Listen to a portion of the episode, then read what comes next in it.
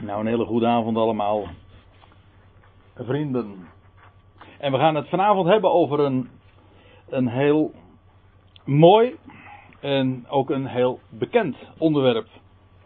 Namelijk 1 Korinthe 13. Dat is voor veel mensen denk ik wel een, zelfs een begrip. En het wordt ook wel het hooglied van de liefde genoemd in het Nieuwe Testament. Je hebt een, het boek Hooglied natuurlijk in het Oude Testament, gaat ook over de liefde over een hele speciale liefde tussen bruid en bruidegom.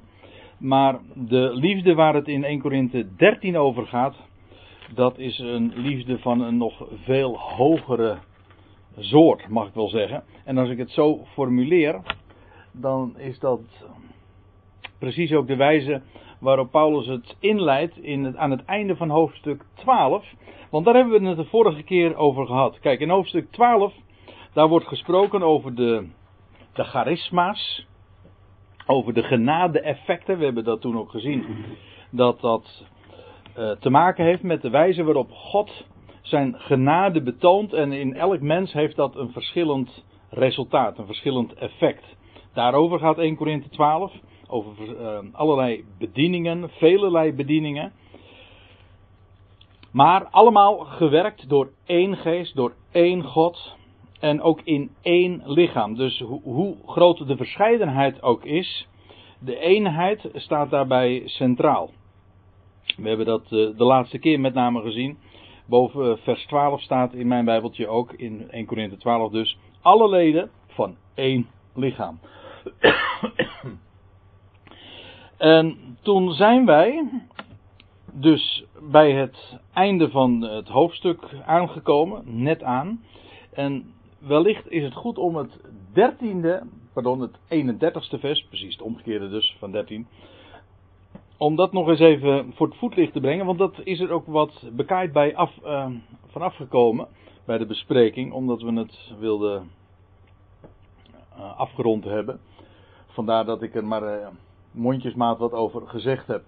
In dat 31ste vers, dat is de afsluiting van het 12e hoofdstuk dus, maar het is tevens de introductie van het dertiende hoofdstuk.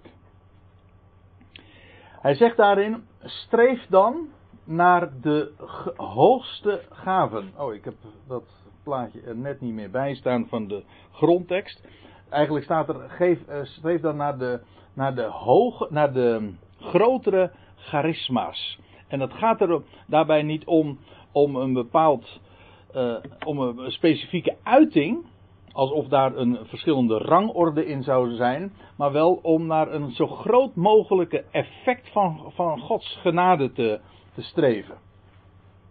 En dan zegt hij in, aan het, dat is, dat is de laatste zin dus van dat twaalfde hoofdstuk, en ik wijs u een weg die nog veel verder omhoog voert.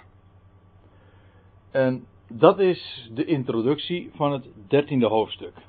Dus hij had het over charisma's en over, over grotere charisma's. Streef daarnaar. Dat, naar Gods genade en de uiting en het effect daarvan.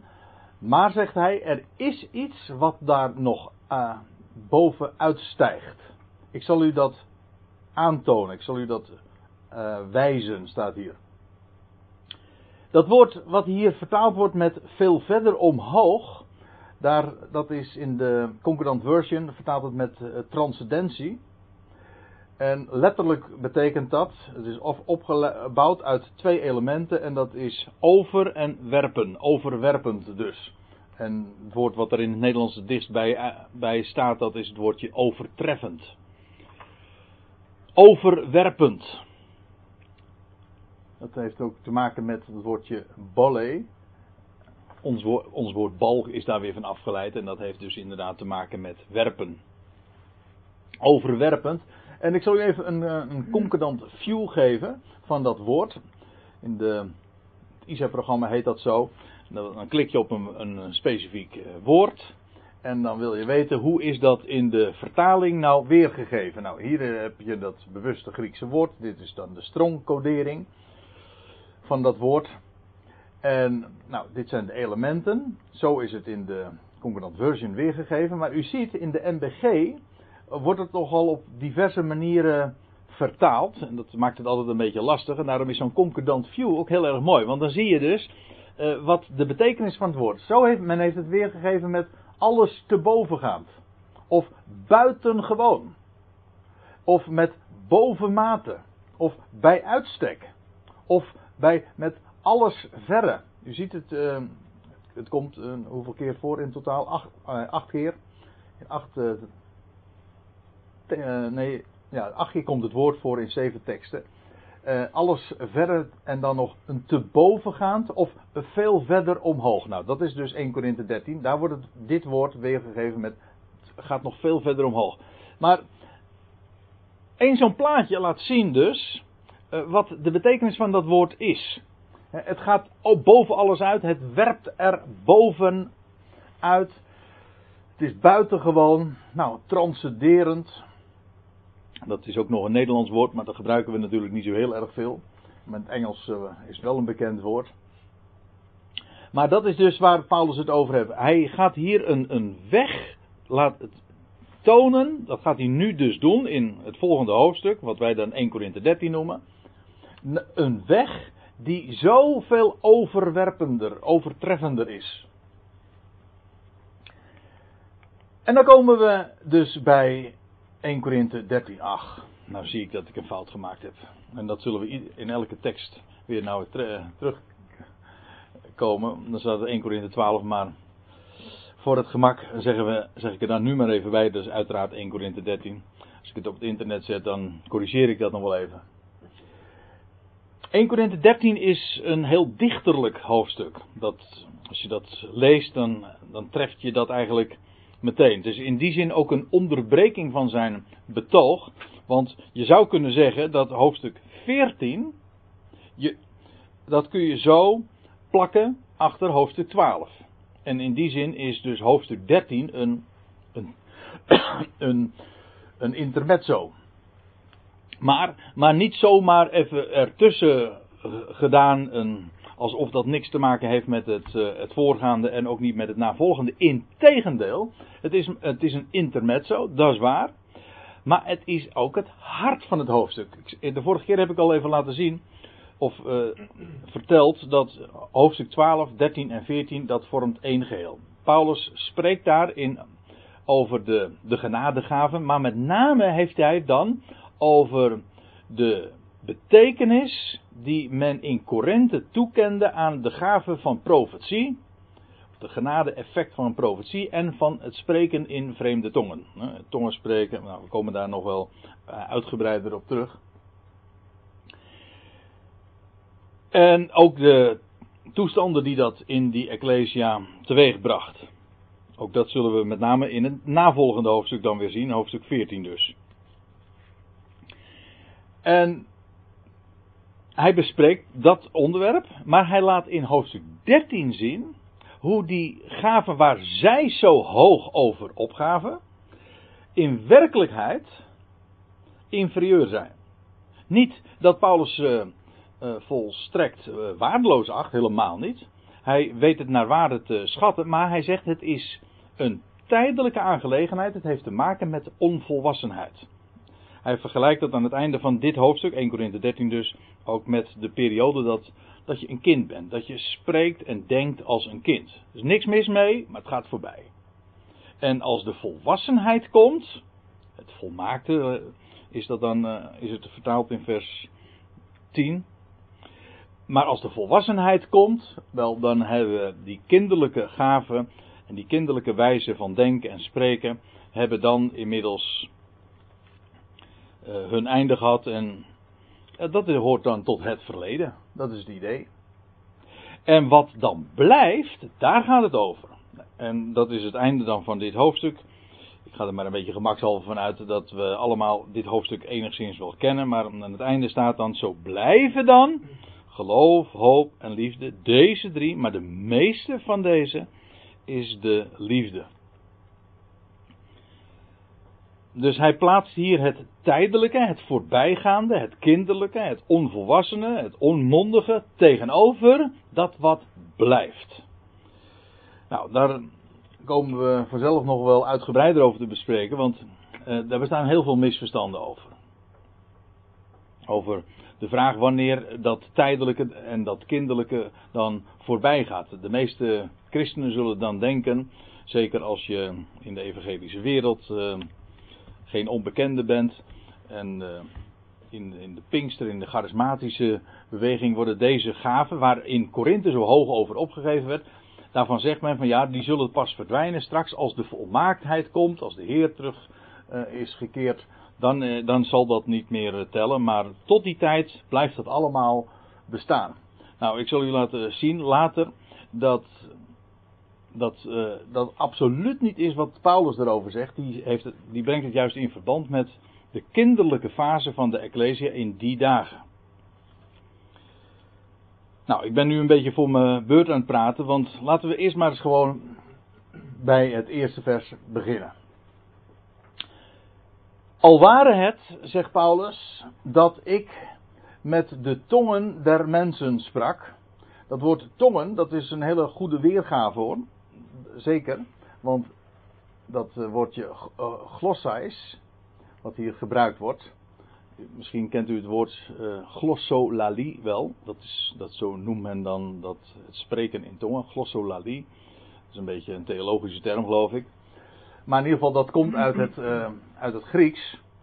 Maar het is het woord wat standaard ook vertaald wordt uh, met, met talen. Tong en taal uh, zijn begrippen die heel erg uh, verwant zijn. Ja, dat is nogal logisch, want een taal spreek je nu eenmaal met een, de tong. En dat is hier dus ook, dat ik met de tongen der mensen, of met de talen van de mensen sprak, of der engelen sprak. Dus hier wordt hier gesproken aan de ene kant over de, de talen of tongen van mensen. En uiteraard, dit refereert direct aan wat Paulus' onderwerp namelijk is het spreken in vreemde talen. Talen die, eh, en daarmee bedoelt Paulus maar niet dat je een, een taal aanleert die, uh, die niet jouw moederstaal is. Ik, daar maak ik tegenwoordig mijn, mijn dagtaak zo ongeveer van. Om dat te doen aan andere mensen, om, om, ze de, om het Nederlands bij te brengen aan mensen die niet hier in Nederland geboren zijn. Maar hij heeft het niet over het spreken in, een, uh, in, in vreemde talen. Zoals wij dat, zoals we dat gebruikelijk kennen. Nee, het gaat hier over het spreken in vreemde talen die niet aangeleerd zijn. Dat is het idee. Zoals het wonder op de Pinksterdag. Men sprak in talen die men, uh, die men nooit geleerd had. Waarbij je ook nog de vraag zou kunnen stellen: is dat dan een luisterwonder of is dat dan een spreekwonder? Ik denk een spreekwonder. Het heeft te maken met de taal. Dus met de tong. En het is niet een wonder van de oren. Maar goed, eh, al was het dat ik met talen, vreemde talen van de mensen sprak, of die der engelen. Het loutere feit dat hier een tegenstelling gemaakt wordt tussen mensen en engelen, of beide als onderscheiden groepen, geeft dus aan dat hij het hier heeft inderdaad over hemelwezens. Geen mensen. Kijk, een engel, het woord engel betekent gewoon boodschapper. Dat kan ook een mens zijn. Je leest van Johannes de Doper, was ook een, een engel, een bode, een boodschapper. En de verspieders in Jericho waren ook engelen. Zo worden ze in de Bijbel genoemd, boodschappers namelijk. Die met een boodschap erop uitgestuurd waren. Dus op zich hoeft het woord niet te slaan op een, op een hemelwezen, maar in dit verband gaat het dus wel duidelijk. Het wordt namelijk over de talen der mensen, maar ook die der engelen gesproken.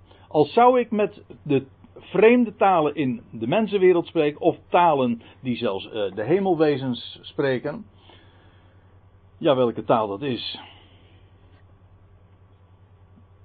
Dat weet ik niet. Nou, ik heb wel een idee trouwens. Ik denk namelijk dat het Hebreeuws is. Als, als er vanuit de hemel gesproken wordt in de Bijbel, dan is dat in, van, in het Hebreeuws. En het, is ook, het woord Hebreeuws betekent ook van de andere kant. Ivriet, dat is een, dat woord als je dat terugbrengt naar zijn elementen, dan betekent dat van de andere zijde, van de andere kant. Dus het is de taal van God zelf. Het is dus eigenlijk de taal van de hemel. Maar goed, dat um, is zomaar even een, uh, een gedachte die, uh, die zich even bij me aandringt. Maar het gaat, Paulus wil dat zeggen, zelfs al zou ik eh, de vreemde talen der mensen of die, eh, of die van de engelen spreken, maar ik had de liefde niet, wel zegt hij, ik ware schallend koper of een rinkelend symbaal. Nu eerst even over dat woordje liefde. Hij zegt, ik had de liefde niet. Het woord wat hij hier gebruikt, dat is het woordje agape. En dat is echt een bijzonder woord voor liefde. Ik denk dat we dat, de waarde daarvan en het belang daarvan uh, moeilijk kunnen overschatten. Want ik had het even over, uh, bij aanvang over het hooglied der liefde. En ik vergelijk dat met de liefde in het boek Hooglied. In het lied der liederen. En daar kom ik nu dan eigenlijk ook op, want de liefde in het boek Hooglied, dat is, als je het gewoon puur letterlijk leest, toch eh, de, de hartstocht tussen een bruid en een bruidegom, tussen een man en een vrouw. Maar hier gaat het over een liefde, en dat is geen tegenstelling, het is wel een, een liefde van een andere categorie. Want het in tegenstelling met het Hebreeuws, dat maar één woord voor liefde kent, ahava, kent het Grieks er uh, maar liefst drie, maar wel van verschillende soorten. Je hebt het woordje nou ja, laat ik eerst even die andere twee noemen. Je hebt het woordje eros, wat we allemaal kennen, erotiek. Eros, dat is, heeft dus te maken met de hartstochtelijke liefde meer ook de, de lichamelijke uiting daarvan. Dat is eros. En daar heb je ook nog, ik heb even geen lijstje ervan gemaakt, maar goed, even om dat dan zo uh, te memoreren. Uh, het woordje eros, daar heb je ook het woordje phileo wat we ook allemaal kennen, en dat ook in het Nederlands op allerlei manieren terugkeert. Heterofilie, dat betekent eigenlijk, hetero betekent te maken de andere kant. Al heteros, en dat filie, je, je kan een bibliofiel zijn, je kan een heterofiel, nou ja, wat voor filie heb je nog meer, hè? Uh, filen. Uh, maar dat, is, dat komt dus uit het Grieks en dat heeft te maken met filio en dat heeft te maken met genegenheid. Je hebt liefde voor een ander of voor iets. Uh, filaterie bijvoorbeeld, filantropie, liefde voor mensen. Maar dan heeft het altijd te maken met dat je genegenheid hebt voor een ander vanwege bepaalde eigenschappen. Voor iemand, maar het kan ook voor iets zijn. Je kan ook een liefde hebben voor een, eh, een beroep of voor een sport of whatever. Maar dan is, dat van, dan is de bron, de oorzaak van die genegenheid altijd in die ander. In een eigenschap van die ander. Of van het andere, gewoon als, als het iets is. En als ik het zo ook zeg, dan springt ook meteen het grote verschil met het woord liefde hier, agape, in het, uh, in het oog. Waarom? Omdat dat namelijk liefde is die niet zijn bron vindt, zijn oorzaak vindt in de ander of in emoties. Nee, het is, vindt zijn oorsprong ja, in God zelf. In de, in de Septuagint, in de Griekse vertaling van het Oude Testament, is agape ook het woord dat weergegeven wordt. Of het is de weergave van, het, uh, van de liefde die God heeft voor mensen. Het is dus, AKP is dus echt goddelijke liefde. En ja, daar zijn in de, heel wat voorbeelden van in het Nieuwe Testament, want het woordje AKP komt heel vaak voor. Maar ik denk bijvoorbeeld, en ik heb daar nu geen tekst van, maar ik blader even naar Romeinen 5, vers 5, en daar lees je.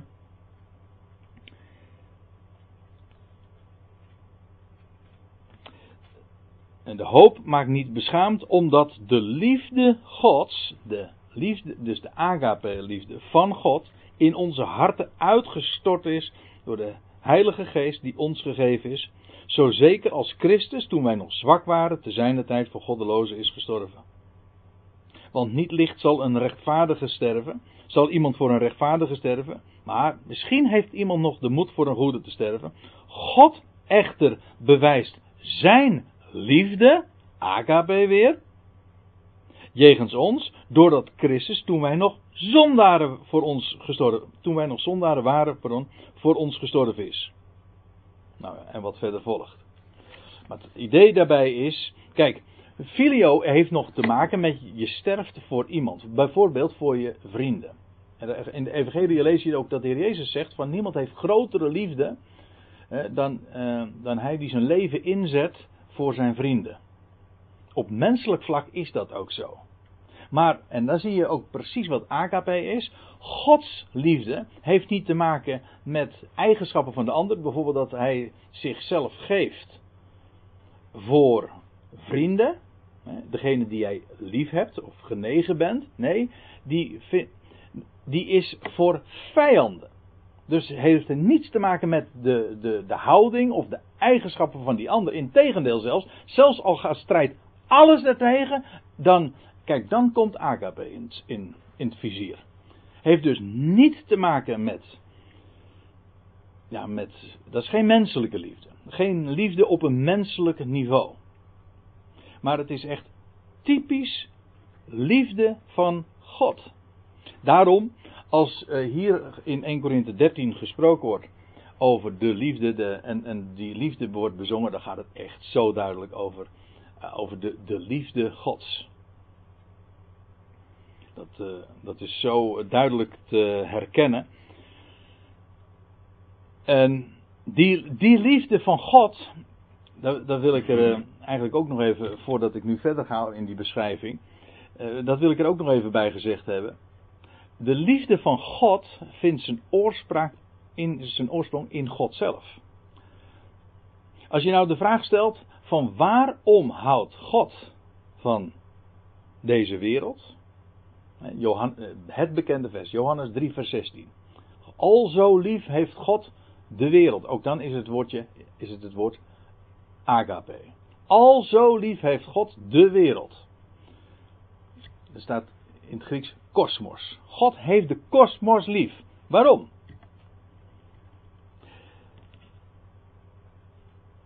Nou, laat ik hem eens een keer vanuit de Bijbel zelf beantwoorden. Ook daar heb ik geen diaatje van. Maar uh, naar Psalm 145, daar vind je een prachtige verklaring.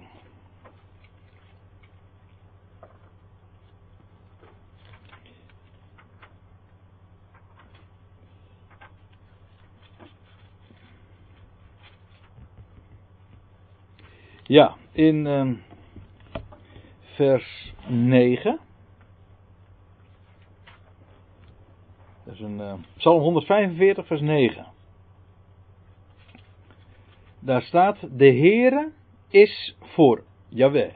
De Heere is voor allen goed. Let op, allen.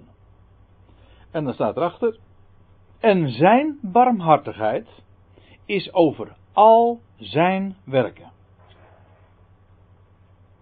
over al zijn werken. En het staat over al, het is maar net waar je de klemtoon op legt, maar de, zijn barmhartigheid is overal zijn werken. Kortom, alles wat hij gewerkt heeft en werkt. En waarom heeft God zijn schepping lief? Het antwoord is omdat het zijn schepping is. Het is werk van zijn handen. En daarom vind ik die woorden waar een kerkdienst uh, in een reformatorische kerkdienst mee aanvangt, altijd zo prachtig. Uh, over wat er daarna gezegd wordt, daar hebben we het nu even niet over. Maar die, die, het begin, dat kan niet. Eigenlijk kan zo'n dienst dan al niet meer stuk. Dat is niet waar wat ik nu zeg. Maar uh, strikt genomen, als de dominee dans uh, vervolgens zou zwijgen, dan heb je al een geweldige dienst meegemaakt. Als die zegt, onze hulp is in de naam van de Heer die hemel en aarde gemaakt heeft, die trouw houdt en die nooit laat varen de werken van zijn handen. Dat wat hij gewerkt heeft. En, kortom, zijn schepselen, zijn creaturen. En dat laat hij nooit varen. Om de simpele reden, het is zijn werk. Het is het werk van zijn handen. Kijk, en dat is AKP. Hij houdt ervan gewoon omdat het van hem is. Elk schepsel is, van, is werk van zijn handen. Hij heeft het bedacht, hij heeft het gemaakt, hij heeft daar een, een, een plan mee. Want hij maakt nooit zomaar iets. En hij heeft daar een geweldige bestemming voor. Want als ik hier Psalm 145, eh, vers 9 lees.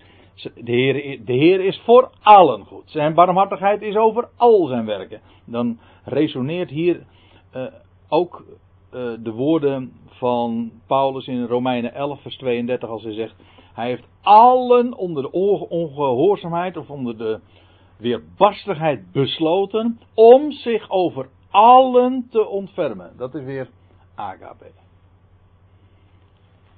Die liefde. En ja, die liefde is dus met recht onvoorwaardelijk. Omdat het zijn oorsprong vindt in het feit dat het zijn werk is.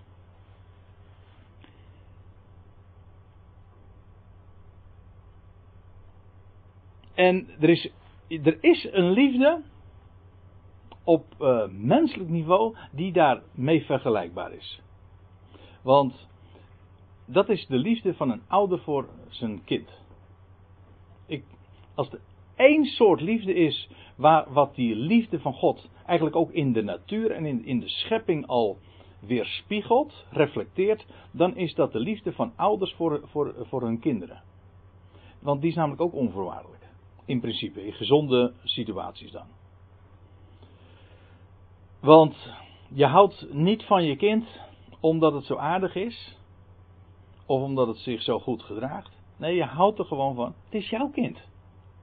Of het is jullie kind. En dat kan nooit ongedaan gemaakt worden. Ik bedoel, wat dat kind ook uitvreet of uitspookt of doet of zegt en hoe vijandig het zich ook opstelt. Eén ding kan het never nooit ongedaan maken en dat is dat het jouw kind is. En daarom hou je ervan. En dat, ja, dat, die liefde van een vader en van een moeder voor het kind, dat is een, een reflectie van de liefde van God, die immers ook vader is, voor zijn schepping. Eigenlijk is zijn schepping, ja, elk schepsel kan zeggen, uh, onze vader.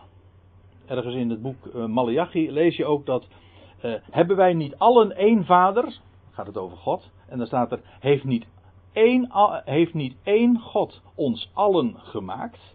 Dat wil zeggen, hij is vader, waarom? Omdat hij ons heeft voortgebracht. En daarom houdt hij er ook van. Nou, en dat zien wij inderdaad op het menselijke vlak, zie je dat weerspiegeld. Een, een, een ouder kan niet zijn kind verwerpen. Het blijft namelijk altijd je kind. En ook al moet je soms harde maatregelen treffen, het, het is en blijft je kind. Nou, dat is die agape. Ja, ik, het is misschien wat uh, breedsprakige uit, uh, uitwerking van dat woord liefde, maar ja, er komt nogal wat voorbij als je dat woordje agape leest. Het is echt van een andere hoedanigheid dan, dan dat eros en dan dat filio. En als Paulus zegt, ik had de liefde niet, dan gaat het over de liefde van God. Wat, wat heb je als je de niet die liefde van God kent? Als je niet weet dat er één is die heel zijn schepping lief heeft, puur om niet. En als zijn ze nog zo vijandig, die liefde kan nooit ongedaan gemaakt worden. Sterker nog, die liefde straalt op zijn hoogtepunt, op zijn allerfelst, juist wanneer die vijandschap ook het grootste is. Daarom, wat is het bewijs? Ik las net uit Romeinen 5. Wat, hoe heeft God zijn liefde bewezen? Dat bewees hij toen Christus voor deze wereld, voor goddelozen, voor vijanden stierf. Dus hoeveel houdt God van deze wereld? Kijk naar Golgotha. Zelfs al slaan ze zijn zoon aan het kruis, dan zegt hij: Ik hou van je. Dat is Gods liefde. Agape. Nou, als je, wat, wat heb je, wat ken je, als je die liefde niet verstaat? En leven uit de liefde, en zoals Paulus dat ook zegt in, uh, in Efeze 5, dat we wandelen in de liefde, betekent dat je de ander beziet met de ogen van God.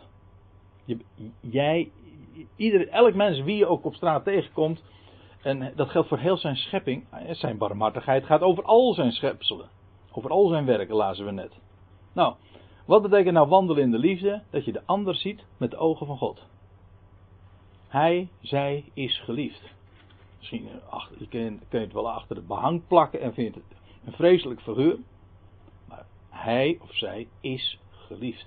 Namelijk door God. Als je wandelt in de agape, dan wil dat zeggen, je ziet die ander met de ogen van God.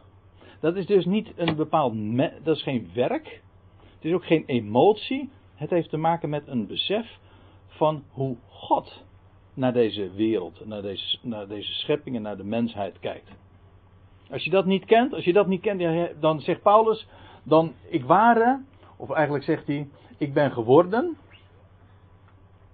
uh, schallend koper. Dat woord schallend, u ziet, daar staat in het Grieks echoon. Nou, dat kennen we allemaal, echo. Is dus een weerklinkend, resounding, weergalmend koper. Paulus noemt hier twee uh, muziekinstrumenten in die dagen. Uh, en dat was niet de bedoeling, dat koper en uh, cymbaal. een cymbaal, of laat ik het anders zeggen, dat dat een koperen muziekinstrument, dat dat zou weergalmen. Dat was juist niet de bedoeling. Met andere woorden, dan is dat waardeloos. En ik waren een rinkelend of een schelklinkend, een schreeuwend, eigenlijk is het woord, een schreeuwend symbaal. Schelklinkend, geen gehoor. Kortom, zulke instrumenten komen totaal niet tot hun recht, zijn waardeloos als het op die manier uh, klinkt. Nou, zo, ben, zo is een mens als die de liefde Gods niet kent. En weer even in de context van de, deze Korinthebrief en in de context van de zaken waar Paulus over spreekt. Ik kan van alles laten klinken. Ik kan eh, profetieën uitspreken. Ik kan spreken in tongen of wat er ook voor mag gaan. Ik, het stelt volstrekt niks voor. Ik ben schallend koper, een rinkelend symbaal, als ik niet de liefde Gods ken. En daaruit uh, leef. Al waren het, zegt hij in vers 2, dat ik profetische gaven had. U ziet, er staat hier eigenlijk gewoon als ik profetie had. Men vertaalt het dan met profetische gaven. Het idee is, in de praktijk komt het toch min of meer op hetzelfde neer. Als ik profetie uitspreek. We zullen straks ook zien, eh, maar dan zijn we inmiddels in, het zevende vers. De, of, uh, wat is het, het achtste vers. Dat Paulus ook in 1 Corinthië 13 gaat vertellen dat profetie, net zoals tongen, zullen, dus de tongen, de talen, die gaven die daar functioneerden, die zouden verstommen te zijner tijd. Eh, net zo goed als profetie zouden afgedaan hebben. Dat, is, eh, dat waren tijdelijke fenomenen, effecten, uitingen, maar die hadden te maken met de kinderlijke periode van de gemeente. Nou, dat, dat gaan we dus nog bezien. Maar hij noemt dat hier, al waren het dat ik nu profetie had, en ik kon Gods spraak uitspreken, en alle geheimenissen en alles wat te weten is, wist. Dat woordje, alle, alle geheimenissen, er staat trouwens al de geheimenissen, ziet u? De, secrets. Dat woordje, uh, wat, we hier, wat Paulus hier gebruikt, je herkent het ook direct, dat is ons woordje mysterie een geheim. En het louter feit dat hij hier een bepaald lidwoord voorzet, namelijk de geheimenissen, dan denk ik vooral ook aan de geheimenissen die ook de apostel Paulus zelf uitstalt. Hè. Hij, zegt ook dat hij, uh, dat zegt hij elders, ik, nee, ja, dat zegt hij wel elders, maar in de, dezezelfde brief, dat hij een beheerder is een huishoud, een beheerder is van de geheimenissen van God. Nou, al kende ik al die geheimenissen. Paulus heeft geheimenissen te horen gekregen, hij heeft ze doorgegeven, hij heeft ze in zijn brieven vastgelegd. Hij is de apostel bij uitstek van de geheimenissen, van die verborgenheden. Maar hij zegt, al wist ik ze, kende ik ze allemaal, en al wist ik zelfs alles wat te weten, wat te weten is en kende ik al de kennis. Uh, u ziet trouwens hier, dat wordt dan vertalen met al wist ik het.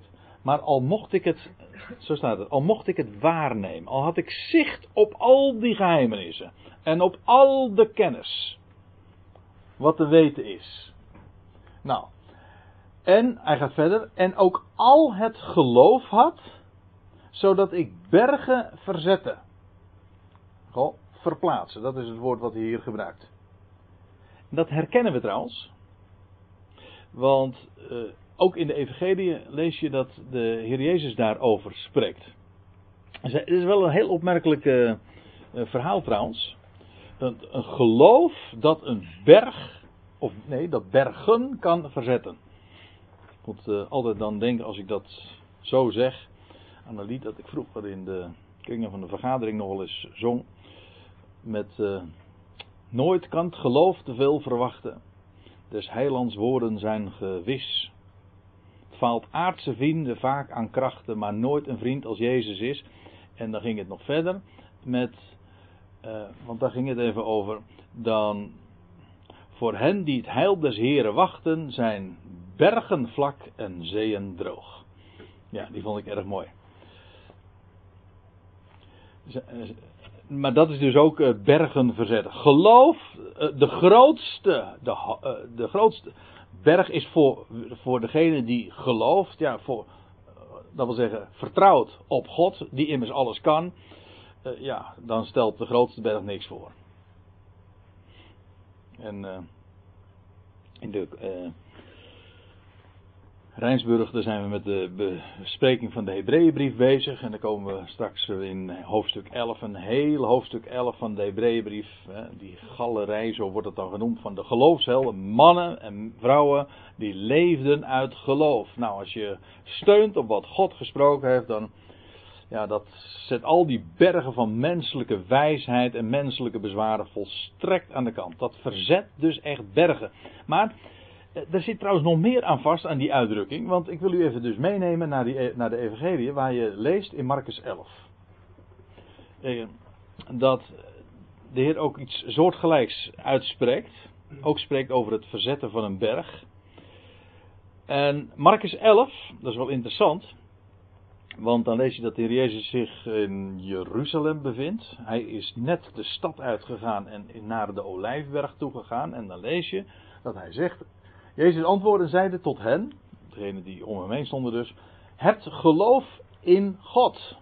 Maar dat, dat, zo staat het er niet. Dat is prima hoor, als dat, als dat, als, als dat zo geformuleerd wordt. Maar er staat dit in het Grieks. Hebt geloof niet in, maar van God. Ja, dat is echt iets anders. Geloven in God wil zeggen dat je, ja, geloof geloof jij in God? Daarmee bedoelt men, met die uitdrukking van geloof jij dat Hij bestaat. Wat vrij onzinnig is, want elk mens gelooft dat in principe van nature. Dat is aangeboren. Vervolgens leert hij het af, misschien, op scholen. Maar het is aangeboren. Het is, uh, het is ingeschapen, het zit er gewoon in. En als een mens ook gewoon normaal, zonder indoctrinatie, uh, vanuit scholen, opleidingen, denkt, dan kan hij niet anders dan de conclusie trekken dan er, er moet een God zijn. Een creatie veronderstelt een creator. Als ik die, deze kleren hier zie hangen, dan komt het niet in mij op dat dat zomaar ontstaan is. Dan denk ik, hé, hey, dat is toch wel knap allemaal bedacht en gemaakt.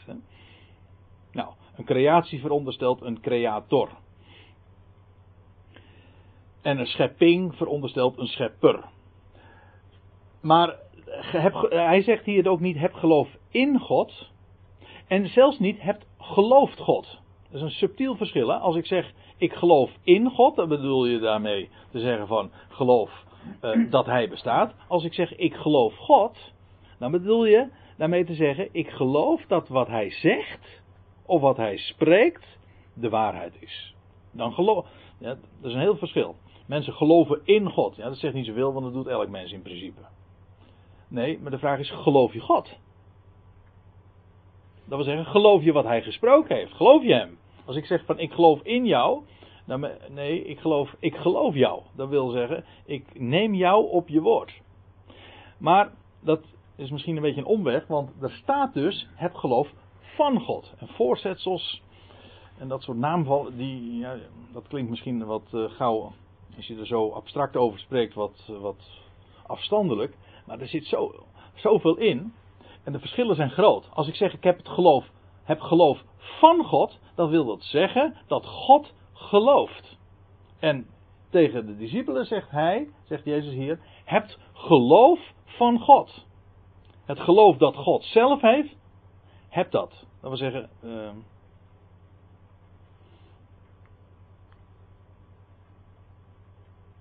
ja, dat, uh, de, de schijnwerpers gaan uiteraard dan op God zelf, die gelooft. Het is misschien een beetje een raar idee om daar zo over te denken, maar God gelooft. Je leest ook in, in Romeinen 3 dat Paulus dat ook zo zegt. In de, althans in de Statenvertaling wordt het correct weergegeven. Er staat van, zal het geloof, zal het ongeloof van mensen zijn geloof, het geloof van God, te niet doen?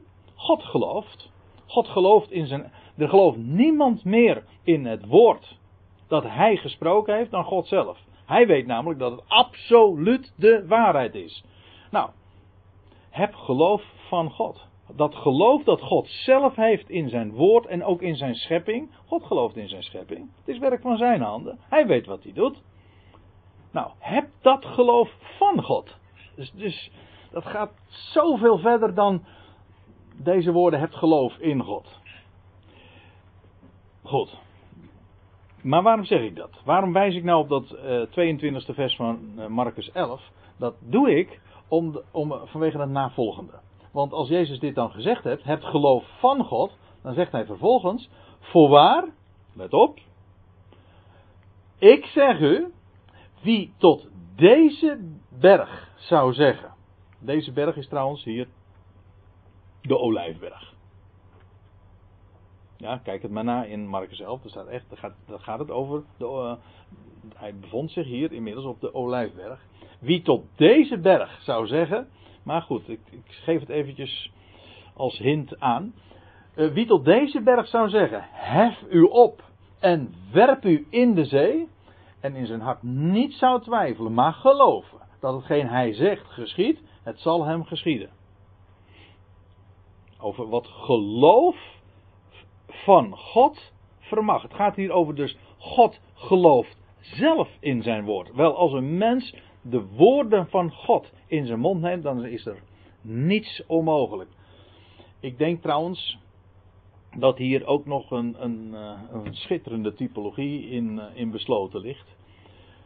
Je kunt natuurlijk gewoon het, dit zo opvatten als de, de grootste hoogte die verdwijnt voor degene die God op zijn woord neemt. Die het geloof heeft dat God zelf heeft. Dat is waar. Maar een berg in, in de Bijbel is een beeld van het koninkrijk. In het algemeen. Een hoogte. God, uh, een, een, een, de, de berg des Heren. De, de, de heilige berg waar de koning ook gevestigd is. Eigenlijk een, met recht dus een hoogte. Je leest het is niet voor niks dat de Heer de, de, de grondwet van het koninkrijk op een berg uitspreekt. De bergrede.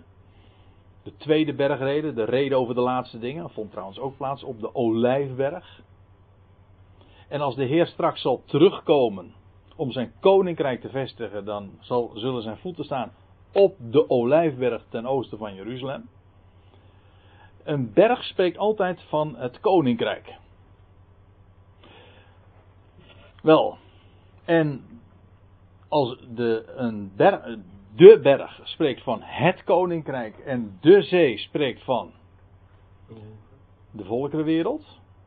Ja, waar heeft dit dan mee te maken? Dit is typerend, een typologische hint ook naar de tijd die zou aanbreken, dat het koninkrijk van God zich zou verplaatsen naar de zee en eigenlijk zou verdwijnen in de zee. Dat wil zeggen, niet meer zichtbaar zou zijn. Die berg is niet weg, maar je ziet hem niet meer. En dat is eigenlijk de, de situatie in onze dagen. De berg, het koninkrijk, waar is dat? Wel, God, heeft gesproken. En de apostel Paulus zelf is trouwens een, iemand die, die deze berg ook verzet heeft. Want door, hij heeft hiervan gesproken dat het koninkrijk zich zou verbergen. Daar heeft eigenlijk de hele boodschap van, van die geheimenis, van al de geheimenissen, hebben allemaal te maken met het feit dat God momenteel zijn aangezicht niet laat zien. Hij laat, eh, vertoont zich helemaal niet. Zijn koninkrijk vertoont zich niet. Er zijn geen zichtbare tekenen. Het is alles verborgen. Het koninkrijk, de berg, is, is er wel, maar je ziet het niet. Het is namelijk verplaatst in de Volkerenzee. En dat is uh, wat er eh, in, in deze bedeling aan de hand is. En in geloof zijn deze woorden ook uitgesproken. Dus eigenlijk deze hele periode van 2000 jaar hebben, heeft te maken met, met deze woorden. Met, met dat woord van geloof van die berg die verzet is in de zee. En terwijl ik dat dan weer denk, maar dan zit ik eventjes te freewheelen, moet u me niet kwalijk nemen, dan lees je, ik zeg dat koninkrijk is een beeld van, of de, pardon, de olijfberg is een beeld van het koninkrijk, maar wat lees je over die olijfberg? Dat die, daar was een afstand, weet je hoe ver dat vanaf de, van Jeruzalem verwijderd was? staat in Handelingen 1. Ik meen van vers 11. Uh, daar staat uh, de afstand van de Olijfberg naar Jeruzalem, dat was een sabbatsreis. De reis naar, en ja, de, een reis die verband houdt met de Sabbat. De Sabbat heeft trouwens ook weer te maken met het koninkrijk, dat openbaar zal worden. Maar nou nog even wat, weet u wat een Sabbatsreis is? Een Sabbatsreis, dat is 2000 L. 2000 L kom je op allerlei manieren in de Bijbel uh, vaker tegen. Het is de afstand bijvoorbeeld die, die Israël moest hebben, moest houden met toen ze de ark achterna ging, toen ze naar het beloofde land gingen. Was 2000 L. Je leest dat is. Ik zie uh, nu een beetje bedenkelijk gezichten. maar in ieder geval, laat, laat ik dat even vertellen. Joshua ging het volk Joshua, ja, ging het volk voor in het, naar het beloofde land. En dan lees je dat ze door de Jordaan gingen trekken. En dan de priesters voorop met de ark. En dan staat er uh, dat die ark dan in de Jordaan ging. En vervolgens het volk volgde op, op afstand. Maar tussen die ark en het volk, daar was een afstand van ongeveer 2000 L. Nou, dat is één keer dat je die, die afstand uh, leest. En dat is een prachtig beeld van. Eerst gaat de ark door de doodsjordaan. Weg van dood en opstanding. De ark, de Heer Jezus Christus. Onder leiding van Joshua, Jehoshua. En het, Israël, het volk Israël volgt, maar op afstand.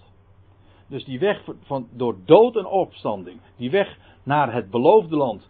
Wel, die gaat Israël ook, maar niet direct. Daar zit een afstand tussen. Namelijk van 2011. En dat heeft alles te maken met de verborgenheid. Maar dat heeft dus ook nog weer te maken met de afstand tussen de Olijfberg, deze berg, hè, en de stad Jeruzalem. Ja, nou goed, dat zijn allemaal van die uh, associaties die, die ja, zich als het ware aan je opdringen wanneer je schrift met schrift vergelijkt.